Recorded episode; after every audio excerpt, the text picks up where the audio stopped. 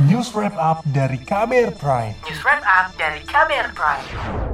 Reklamasi tak hanya jadi polemik di Teluk Jakarta.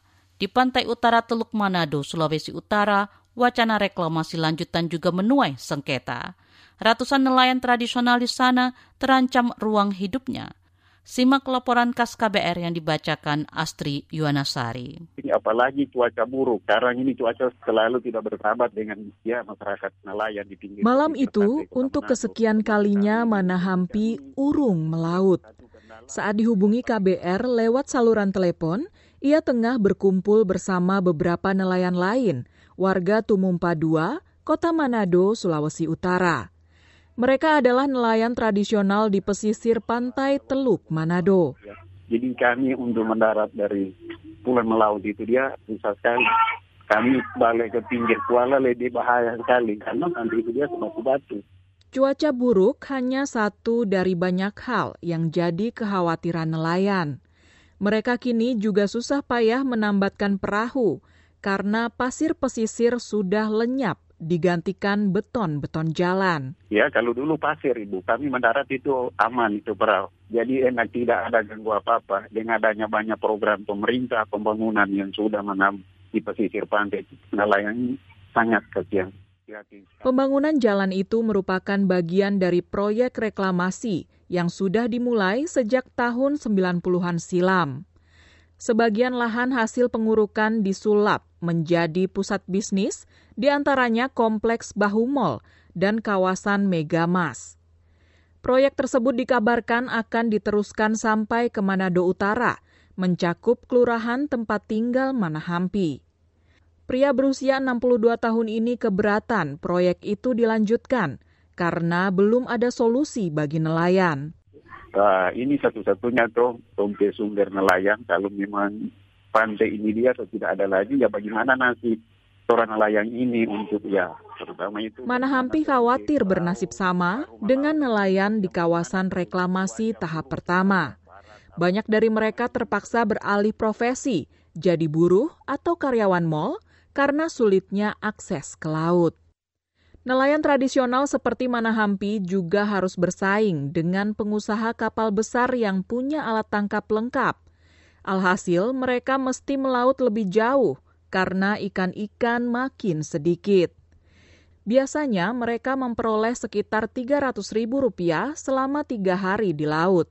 Padahal uang bensin saja bisa mencapai Rp200.000 sekali jalan. Limbah-limbah yang ada dari kota Manado ini menghilangkan ikan karena air itu dia rusak kabur. Jadi melaut mesti jauh. Kalau dulu ikan ada di pakar-pakar ombak ada cekalang. Tapi sekarang ini dia susah sekali. Mesti sekitar 10 mil, 15 mil baru mendapat ikan begitu. Inilah. Manahampi bersama ratusan nelayan tradisional lain tak menolak pembangunan. Mereka hanya meminta ada solusi dan jaminan akses untuk bisa tetap melaut. Desakan pembatalan rencana reklamasi pantai utara Teluk Manado datang dari pakar kelautan dan perikanan dari Universitas Samratulangi Riknolda Jamaludin. Menurutnya, reklamasi berarti menghilangkan pantai yang merupakan ruang hidup nelayan. Kalau kita timun, kita nggak adil sama sekali kita akan menghabiskan masyarakat pesisir kita. Keadilan sosial, keadilan sosial, keadilan ekologi itu tak bisa kemudian dengan mudahnya kita ganti dengan pandangan bahwa itu akan menjadi area bisnis dengan alasan ekonomi. Karena bernelayan juga adalah ekonomi.